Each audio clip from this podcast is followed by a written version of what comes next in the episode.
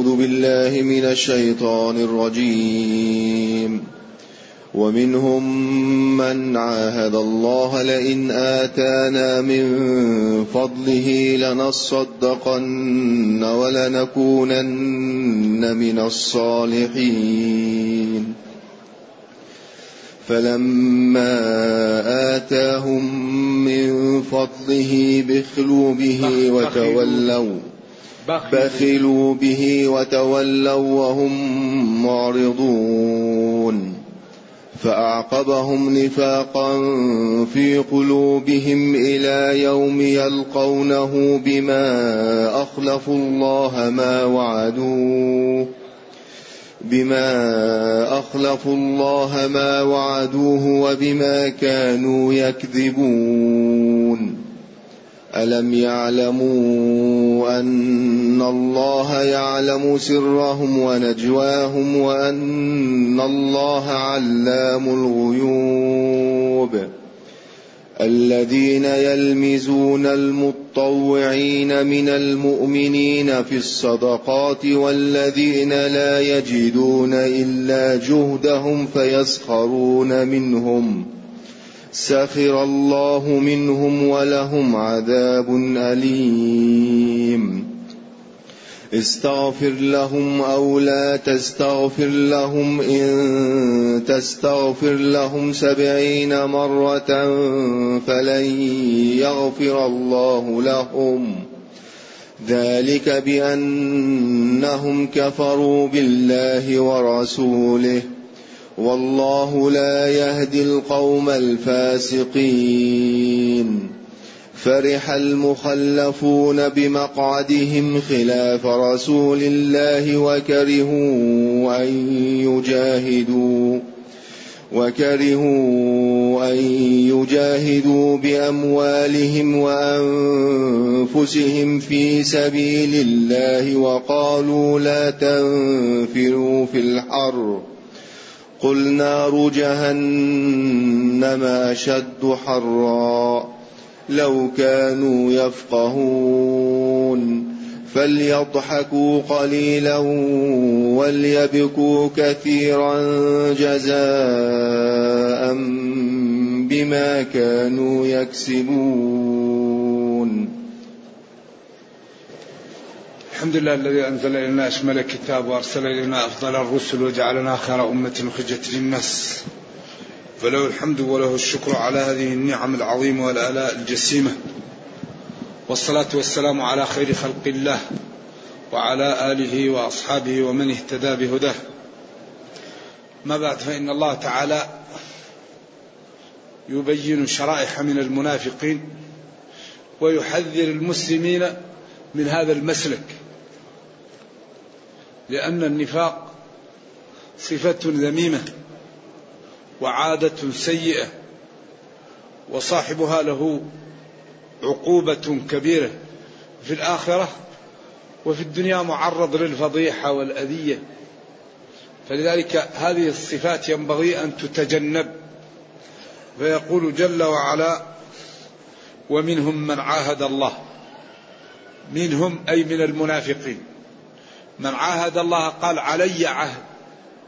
أني إن أغناني الله لفعلت وفعلت. وقيل ثعلبة بن حاطب وقيل حاطب بن ثعلبة وقيل الجد بن قيس وقيل معتب وقيل غير ذلك. المهم إن بعض المنافقين عاهد الله لئن آتانا لئن أعطاه من فضله من المال لنصدقن ولنكونن من الصالحين. لنبذل ولنكونن من الباذلين المؤثرين الخير العاطين أموالهم حتى يعدوا من جملة الصالحين. والمشهور أن ثعلبة بن حاطب ولكن كثير من المحققين يقول هذا لا يصح. إنه ثعلبة. والمتن يعني فيه علتان والسند لا يصح. العلة الأولى أنه من أهل بدر. وقال وما يدريك أن الله قال لأهل بدر اعملوا فقد غفرت لكم. الأمر الثاني أنهم قالوا إنه جاء بصدقته للنبي صلى الله عليه وسلم فردها. ثم جاء بها لأبي بكر وردها. ثم جاء بها لعمر وردها. ثم جاء بها لعثمان وردها ومات في خلافة عثمان رضي الله عن الجميع. والذي يعهد أن الذي يتوب يقبل منه التوبة. ما عرف أن إنسان يأتي تائب ويأتي بصدقته ويقال له لا تقبل منك التوبة. لأن التوبة تقبل من كل شخص ما لم يغرغر. أو يموت على الكفر. أو تطلع الشمس من مغربها. إذا الأثر المشهور بين المفسرين وبين الناس أنه ثعلب بن حاطب لا يصح. نعم. فالسند فيه يعني أقل ما يقال فيه أنه ضعيف جدا. أيوه. كما قال الحافظ بن حجر. إذا ومن المنافقين من عاهد الله جعل بينه وبينه عهد لئن أعطاه الله من فضله من المال لا يصدقن ولا يكونن من جملة الصالحين. فلما أتاهم الله من فضله ما طلب ما طلبوا بخلوا به. لم يبذلوه وتولوا والحال أنهم معرضون هذه مؤكدة. قالوا إنه قال للنبي صلى الله عليه وسلم ادعوا الله أن يرزقني مالا. قال له يا ثعلبة شيء قليل لا يلهيك ويغنيك يكفيك. جاءه مرة أخرى وقال له يا ثعلبة قال له ما تراني ما عندي مال ولو أردت الجبال كانت لي ذهبا. يا ثعلبة شيء قليل يكفيك.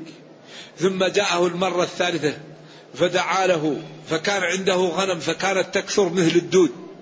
فكثرت فتنحى لبعض الوديان بجنب المدينة.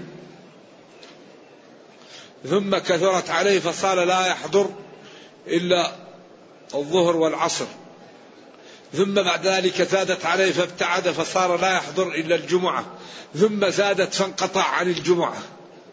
ثم جاءت الزكاة فأرسل له الساعي فقال له ما هذه إلا أخت الجزية؟ أذهب إلى غيري واتركني أنظر في أمري. فلما انتهى السعاة وجاءوا لغيره وأعطاهم رجعوا له قال أصبروا حتى ننظر ما هذه إلا أخت الجزية.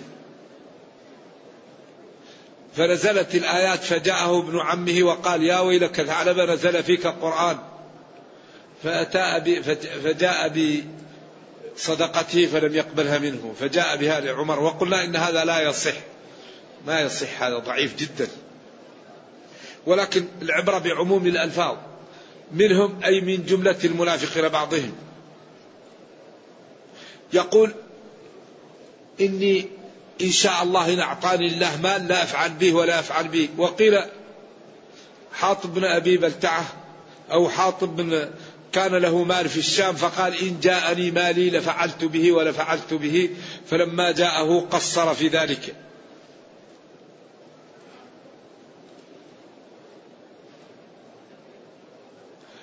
المهم فلما أتاهم ما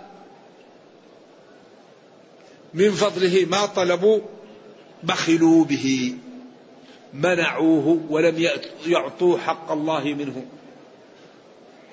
وتولوا أعرضوا عن الشريعة وعن هذه الأوامر وعن هذه التكاليف والحال أنهم معرضون تأكيد لهذا الأمر. تولوا بتصميم وبعزم وبغير تردد. تولوا وهم معرضون. يعني تبرموا عن التنفيذ وهم يعني مؤكدون وعازمون على عدم التنفيذ والحال أنهم معرضون. عياذا بالله. فأعقبهم نفاقا أعقبهم. الضمير هذا يعود على البخل.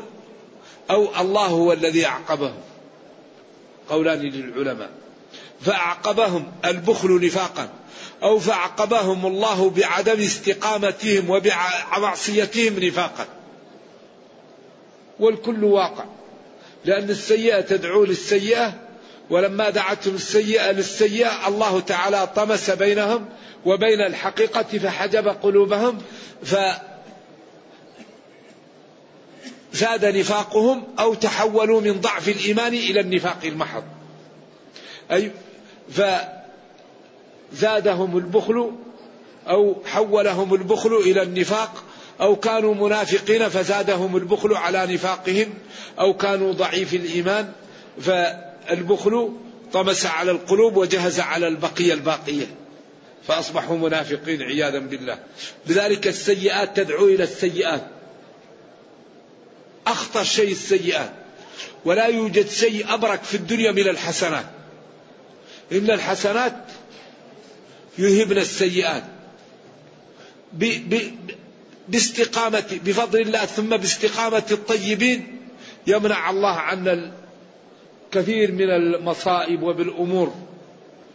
يعني لذلك إنما تنصرون بضعفائكم. طيبين. أكثر أهل الجنة الناس الضعاف الطيبين اللي الواحد لما تراه تشوفه حاله مسكين. وأكثر أهل النار كل عتو. جواظ متكبر. أهل النار أغلبهم المتكبرون. الذين لا يبالون. أصحاب القلوب القاسية. أصحاب احتقار الضعاف. أصحاب الأنفة. الشمخ بالأنف. هؤلاء هم أهل النار. أما أكثر أهل الجنة الضعاف. ذلك لما قال هرقل للنبي صلى الله عليه وسلم هل يتبعه ضعاف الناس؟ قال لا ضعاف. قال هل الإسلام دائما يتبعه الضعاف. لأن الناس اللي أقوياء إلى جد يقف في وجهه.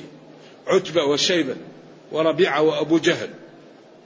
لولا نزل هذا القرآن على رجل من القريتين عظيم. هل في أعظم من الرسول صلى الله عليه وسلم؟ أصدق الناس أفضل الناس أجمل الناس أشرف الناس. ما في مثله لكن لا. صح مال وصاحب فضاضة نرجو الله السلام والعافية.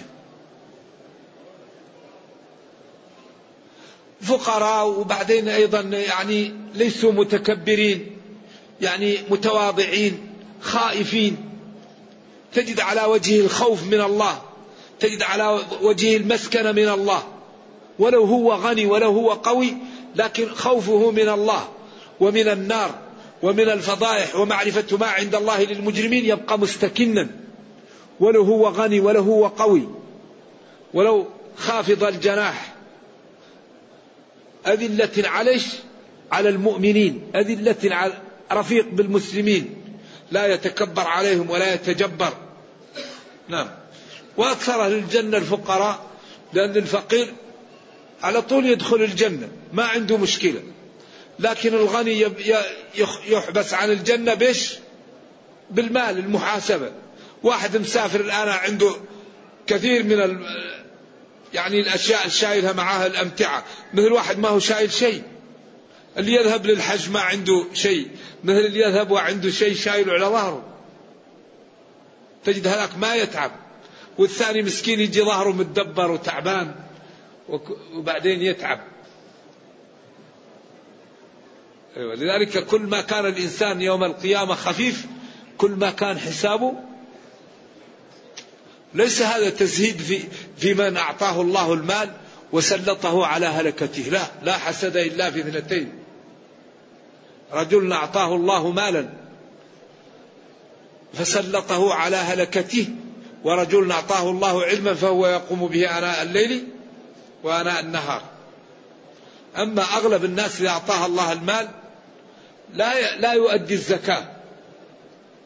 لا لا يبحث عن طريق الحلال. لا يبحث عن الفقراء.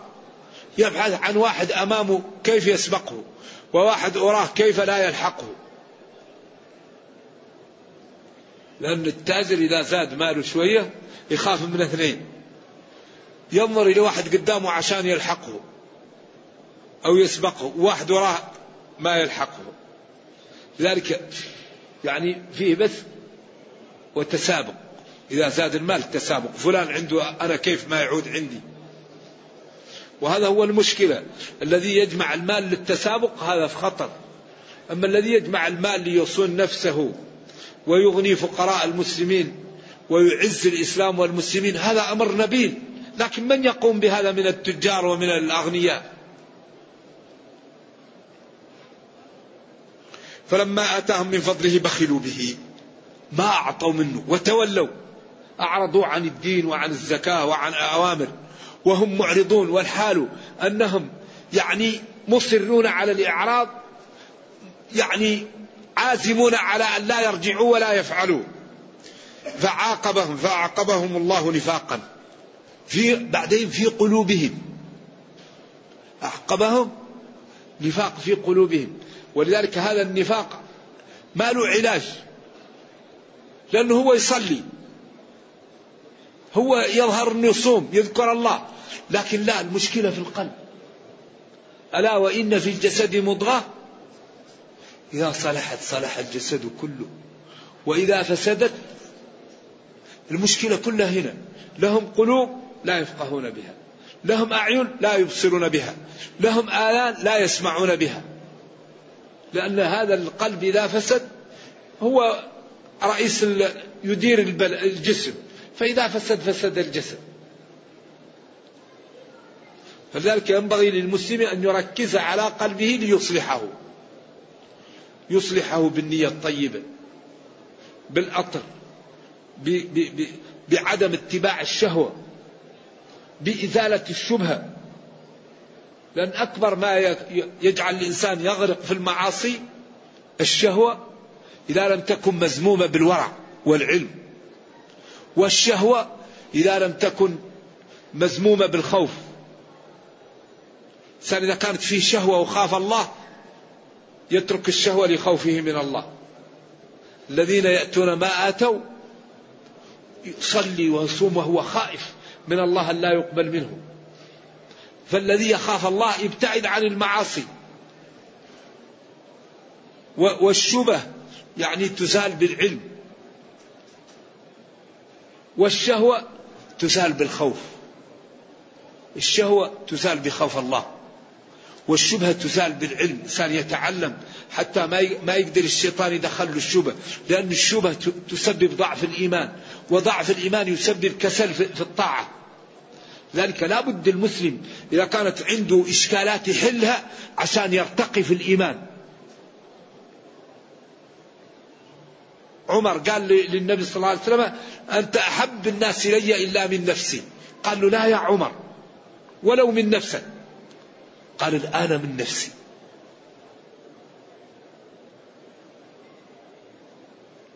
الرجل الذي جاء عنده شبهة قال له ذن لي في الزنا.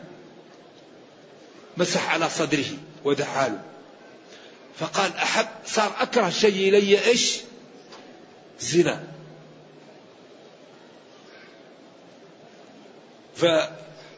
فالإنسان لا يترك في نفسه الشبه ويستحي من أن يذهب للعلماء العارفين الصالحين ويعرض إشكالات ليزال عنه الإشكال فيقوى إيمانه.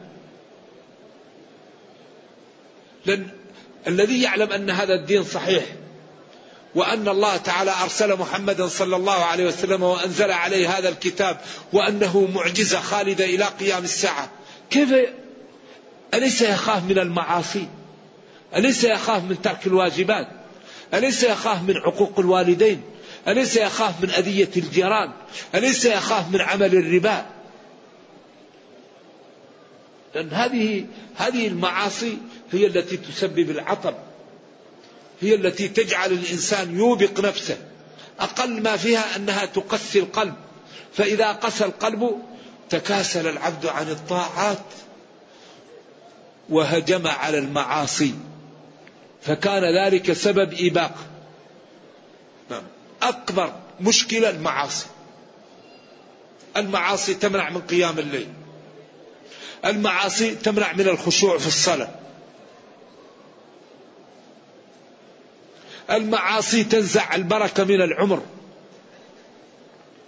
فأهم شيء طاعة الله. الذي يطيع الله لن يضيعه الله. إلى يوم يلقونه.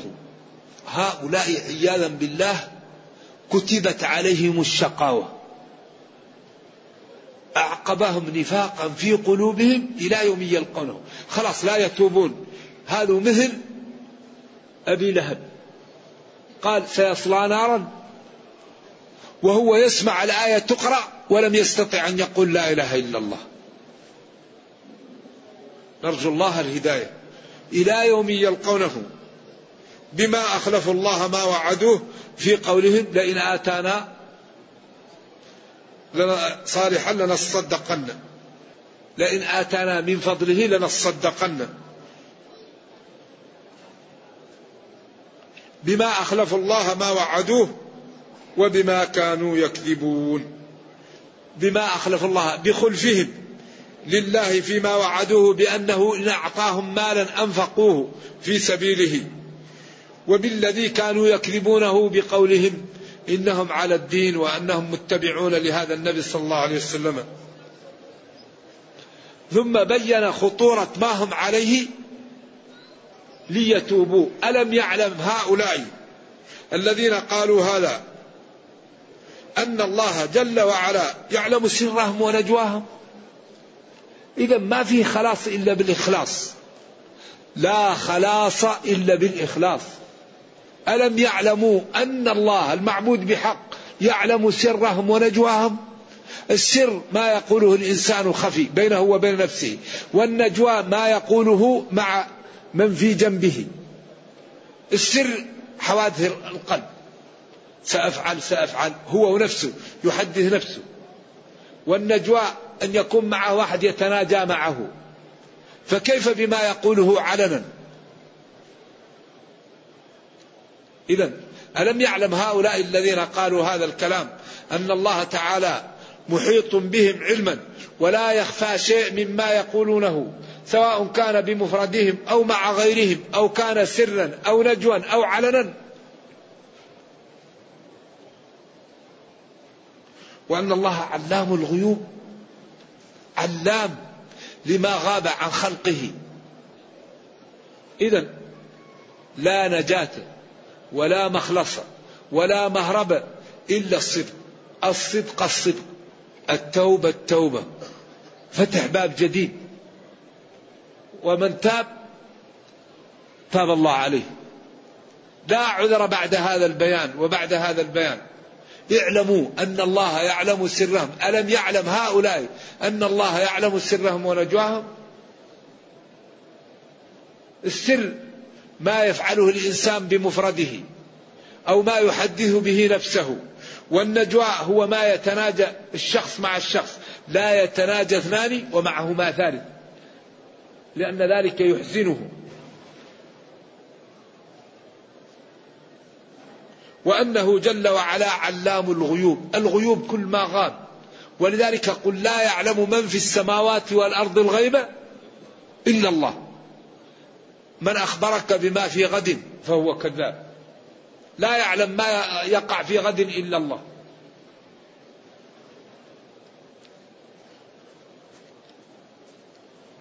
ثم عاد لهم بعد أن أتى بهذه الجملة. فأعقبهم نفاقا في قلوبهم إلى يوم يلقون سرهم. بعدين قال الذين يلمزون المتطوعين من المؤمنين في الصدقات. الذين يمكن في موضع جر موضوع رفع موضع نصب يمكن منصوبة على الذم مرفوعة على الذم وهذا غريب أو مجرورة سرهم. الذين يلمزون يكون بدل من الضمير. يلمزون يعيبون. المتطوعين أصلها المتطوعين الباذلين مالهم في سبيل الله. من المؤمنين في الصدقات. وهؤلاء المنافقون لا يسلم منهم أحد. فإن أعطى المسلم مالا كثيرا قالوا مرائيا. وإن أعطى مالا قليلا قالوا ما الذي ينفع هذا؟ عبد الرحمن بن عوف أعطى نصف ماله. والثاني اشتغل فوجد صاعا فأخذ نصفه وتركه لبيته والنصف جاء به. فضحك المنافقون وقالوا لعبد الرحمن مرائي وقالوا ما الذي ينفع هذا عند الله نصف صاع من الحب؟ لأن في أول الإسلام كانوا يأمرونهم بالبذل وخصوصا في هذه الغزوة لأن الأمر كان صعب. الذين هؤلاء المنافقون يعيبون المتطوعين من المؤمنين الذين يعطون المال غير واجب. هذه التطوع التطوع بذل المال الغير واجب. أما المال الواجب يقال له الزكاة وقد يقال له الصدقة أو الفريضة. أما التطوع يقال لبذل المال غير الواجب. الذين يعيبون المتطوعين من المؤمنين في الصدقات إذا أعطوا كثيرا بأنهم مراؤون والذين لا يجدون إلا جهدهم إلا القليل الكثير الذي يجدوه بمشقتهم فيسخرون منهم. يسخرون من هؤلاء أنهم مراؤون ومن هؤلاء أن هذا لا ينفع وأنه قليل. سخر الله منهم. كما قال إن تسخروا منا فإنا نسخر منكم كما تسخرون.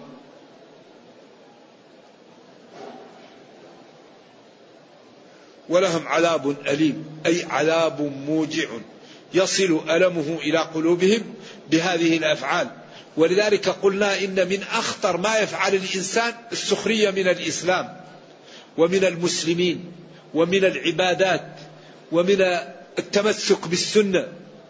فالذي يسخر من المتمسكين بالسنة هذا على خطر.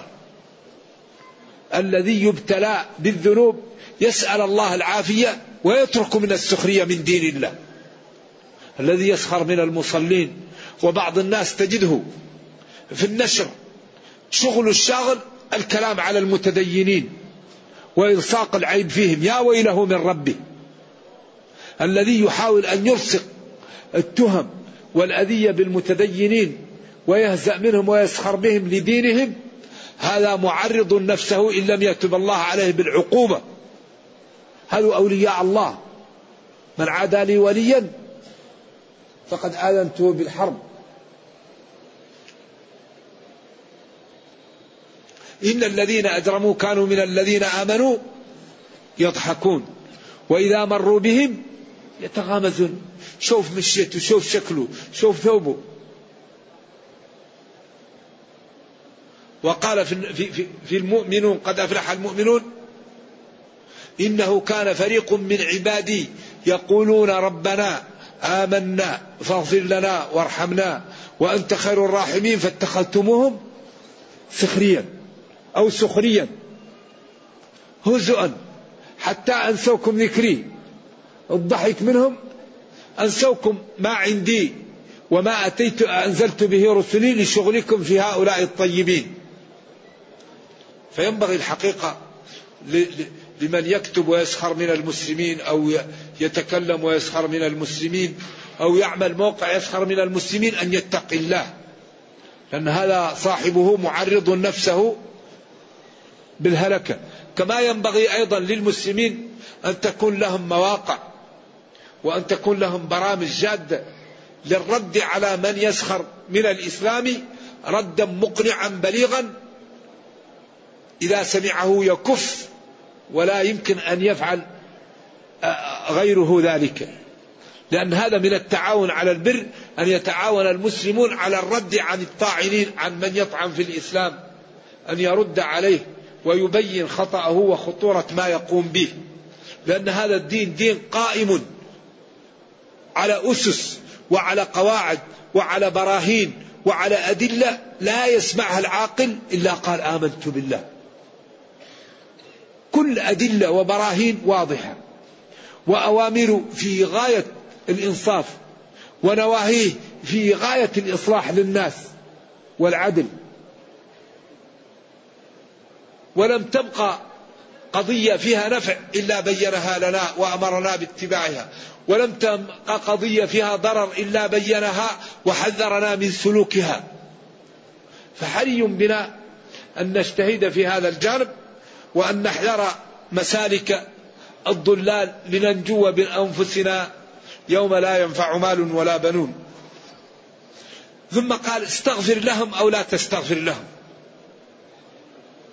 إن تستغفر لهم سبعين مرة فلن يغفر الله لهم. عياذا بالله. ذلك بأنهم كفروا بالله ورسوله والله لا يهدي القوم الفاسقين. هذه الآية نزلت لما جاء بعض المنافقين وقال للنبي صلى الله عليه وسلم استغفر لنا فاستغفر له. فنزلت الآية.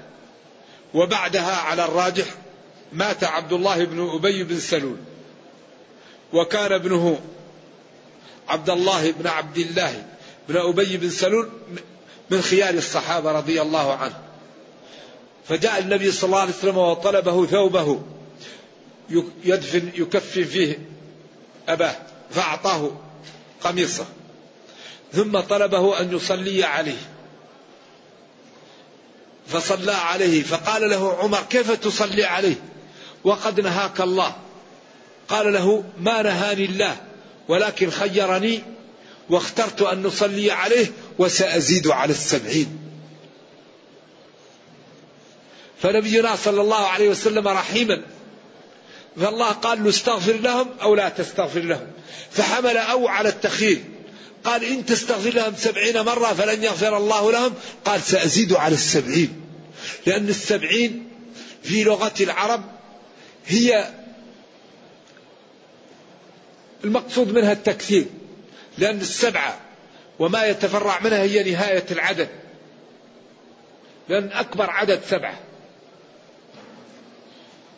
بعد السبعة يكون العدد مكرر. ثمانية تكرير أربعة تسعة تكرير ثلاثة عشرة تكرير خمسة. فأكبر عدد سبعة. ذلك سبع سماوات سبع أراضين سبع أيام. الجنة نرجو الله لها سبعة أبواب. ها؟ النار النار لها سبع أبواب. الجنة ثمانية صح. نرجو الله أن يعطينا الجنة ويحمينا من النار. المهم قالوا السبعة والسبعين لا يقصد بها العدد وإنما يقصد بها التكثير. أنزل القرآن على سبعة أحرف على التيسير عند بعضهم. إن تستغفر لهم سبعين مرة. كما لحبة أنبتت سبع سنابل في كل أيوة. إلى آخره. قالوا إذا قال المقصود هنا التخيير وأنه لو استغفر لهم كثيرا لا يغفر لهم. فلببه عمر وقال له كيف تصلي عليه وهو منافق؟ قال له الله خيرني. فلما انتهت الصلاة قال ولا تصلي على أحد منهم مات أبدا. ولا تصلي على أحد منهم مات أبدا. خلاص هذا نص صحيح صريح. عند ذلك كف عن الصلاة عليهم. وقالوا إن عبد الله بن أبي أعطى للعباس قميصه في بدر لأنه سلب ثيابه لأنها وبقي لا ثوب له فأعطاه وكان طويل مثله. كان العباس طويل وعبد الله بن أبي بن سلول طويل فأعطاه ثوبه فأراد أن يكافئه قبل أن يموت حتى لا يأتي يوم القيامة ولأحد له عليه كرامة. صلوات الله وسلامه عليه. وقيل إنه فعل ذلك ليؤلف كثيرا من جماعته.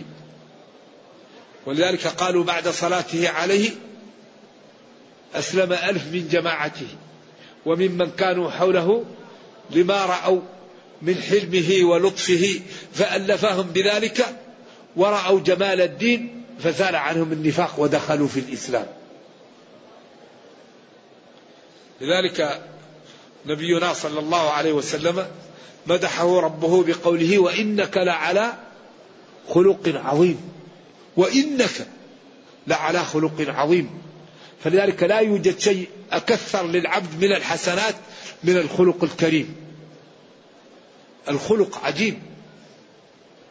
ولما جاءه الصحابة يسألون عن خلقه قالت كان خلقه القرآن.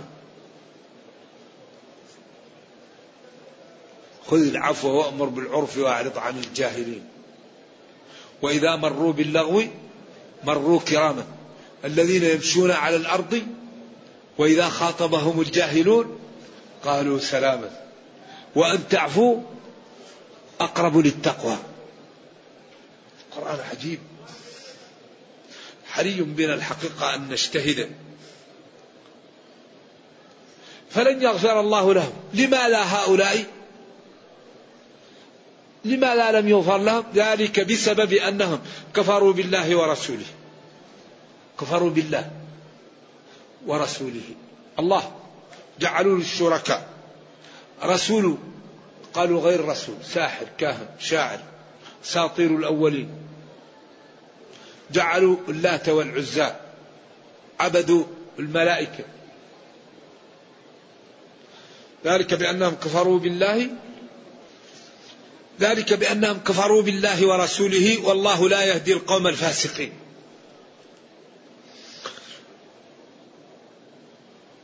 إذا عدم الغفران لهم سببه الحقيقي الكفر. لأن الذي يكفر لا يغفر له. أما الذي يفعل الذنوب وهو مؤمن تغفر ذنوبه. من قال لا إله إلا الله دخل الجنة قال وإن زنى وإن سرق قال وإن زنى وإن سرق. قال وإن زنى وإن سرق. قال وإن زنى وإن سرق. بعدين قال على رغم أنف أبي ذر. فصار أبو ذر يقول وإن رغم أنف أبي ذر. أبو ذر ما يتصور حد يفعل الكبائر ويدخل الجنة. بعدين لما زاد عليه قال له وإن رغم أنف أبي ذر. وإن لم يقبل غصبا عنك. هذا الله يغفر الذنوب. إذا لا بد أن نحقق التوحيد. لا بد أن نبتعد عن الشرك. لا بد أن نبتعد عن صرف حقوق الله لغير الله. كثير من الناس لا ينتبه ويعطي حقوق الله لغير الله.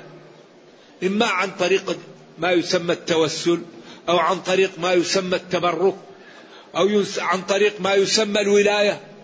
أو عن طريق ما يسمى القطب أو الوتد أو البدل الله لا يرضى أن تعطى أن يعطى حقه لغيره. إذا سألت فاسأل الله. ولا تصلح العبادة إلا لله. ولا يصلح التشريع إلا لله. ولا يصلح الخوف الذي هو من الشخص الذي ليس معك أو الضرر أو النفع إلا من الله. فلا بد أن نخلص لله. لا نخاف إلا من الله. ولا نرجو إلا الله ولا نعبد إلا الله ولا نسأل إلا الله ولا نتكل إلا على الله ولا نستعين إلا بالله. فإذا كنا عباد الله الله يحمي عباده يحميهم من الشيطان ويحميهم من الأذية ويوفقهم للخير ويدخلهم الجنة. أهم شيء أن العبد يحقق التوحيد قبل أن يموت. ولذلك هنا يقول ذلك بأنهم كفروا بالله ورسوله. جحدوا ربوبية الله. جحدوا رسالة النبي صلى الله عليه وسلم. والله لا يهدي القوم الفاسقين الخارجين عن طاعته. ولذلك ربنا في سورة النمل يقول أمن يجيب المضطر إذا دعا. أمن يجيب المضطر إذا دعا. ويكشف السوء ويجعلكم خلفاء الأرض. هذه الثلاثة يذهب كثير من المسلمون من المسلمين إلى الأضرحة ويسألها من الأموات. يأتي للميت ويقول له أنا أريد وظيفة. أنا أريد منزل أنا أريد مريض أريد أن نشفى. أنا أريد أن نكون في مكان كذا. ولذلك ذكر الأشياء التي تطلب يجيب المضطر ويكشف السوء ويجعلكم خلفاء الأرض. ولذلك قرن هذا مع أمن خلق السماوات والأرض. وأنزل لكم من السماء ماء فأنبتنا به حدائق ذات بهجة ما كان لكم أن تنبتوا شجرها إله مع الله. هنا استدل بتوحيد الربوبية على توحيد الألوهية. ثم في النهاية لما علم الجميع أنهم في توحيد الربوبية ما في أحد يقول أن غير الله خلق الجبل. ما في أحد يقول أن غير الله خلق البحر. ما في أحد يقول أن غير الله خلق الغابة. ولئن سألتهم من خلق السماوات والأرض لا الله. لكن في من يقول؟ يأتي بالولد. يأتي بال... يشفي من المرض يشفي من ال... يعطي الوظيفة. لكن الخلق ما في أحد يقول أن غير الله يخلق. ولذلك هنا قال بعد من يجيب المضطر إذا دعاه قال قليلا ما تذكرون. قليلا ما تنتبهون فتستعملون عقولكم وتفرقون بين خلق الجبال وبين إجابة المضطر والكل حق خالص لله. لا يشاركه فيه غيره. ولذلك بعد أن من يجيب المضطر قال قليلا ما تذكرون. وبعد ذلك قال أإله مع الله؟ كلهم يقولون طيب الذي لا يخلق كيف يكون معبود مع الله؟ ذلك أدلة وبراهين. ما هي قابلة إلا للتسليم أو المكابرة؟ موضوع في قوالب لا تقبل إلا التسليم أو المكابرة. ثم قال فرح المخلفون. الفرح ضد الحزن. والمخلفون هنا التحقيق أنهم فيهم رجال لأن النساء الحالهم لا يقال لهم المخلفون وإنما يقال لهم الخالفة الخوالف أو المخلفات. الجمع المذكر السالم لا يقال إلا للرجال أو الرجال إذا اشتركنا معهم النساء كما قال إنها كانت من قوم كافرين. أيوة ولذلك المخلفون هن يعني النساء والأطفال والزمناء والمنافقون ومن كان يعني ضعيف الإيمان أو أخطأ وتخلف. هذا قول. أو المخلفون من الخلوف وهم التعبانين الذين فرح التعبانون الذين خلف. تعبانين ما ليسوا محترمين بمقعدهم خلاف رسول الله. هذا قول ثاني. إذا المخلفون فيها قولان. قول أنهم الضعاف ومن كان عياذا بالله ضعيف الإيمان. ضعيف الجسم أو ضعيف الإيمان. هؤلاء هم المخلفون. سواء زاد ضعف الإيمان حتى صار منافق أو كان فيه تقصير شديد. أو المخلفون من الخلوف وهو كالخلف وهو السيد. آه ذهب الذين يعاش في أكنافهم وبقيت في خلفي كمثل الأجربي. فخلف من بعدهم خلف. الخلف يقال للعقب السيء الذي لا ينفع. أما الطيب يقال لهم خلف. نعم. اللهم اجعل آه، خلف لخير سلف. أما الخلف هو الخلف الغير طيب. هذا في الغالب. إذا فرحوا واغتبطوا بقعودهم خلاف رسول الله. خلافه يمكن تكون مفعول لأجله أو غير ذلك. فرح المخلفون بمقعدهم لأجل تخلفهم. أو لأنها حال. وكرهوا أن يجاهدوا بأموالهم وأنفسهم في سبيل الله وقالوا لا تنفروا في الحرب. هذا خطير جدا وأن الإنسان يحاول أن لا يتعب في الدنيا. فإنه إذا لم يتعب في الدنيا سيتعب في الآخرة. لأن التعب في الدنيا هو سبب المنجاة في الآخرة. ولقد خلقنا الإنسان خلقنا الإنسان إيش؟ في كبد لا راحة في الدنيا. دنيا نحن أسرنا الشيطان سبي فنتعب عشان نرجع إلى الجنة.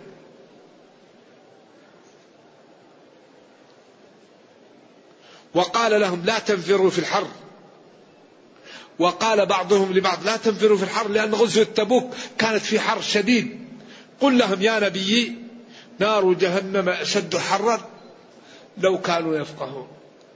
لو كانوا يفهمون يعلمون أن حرارة النار أشد.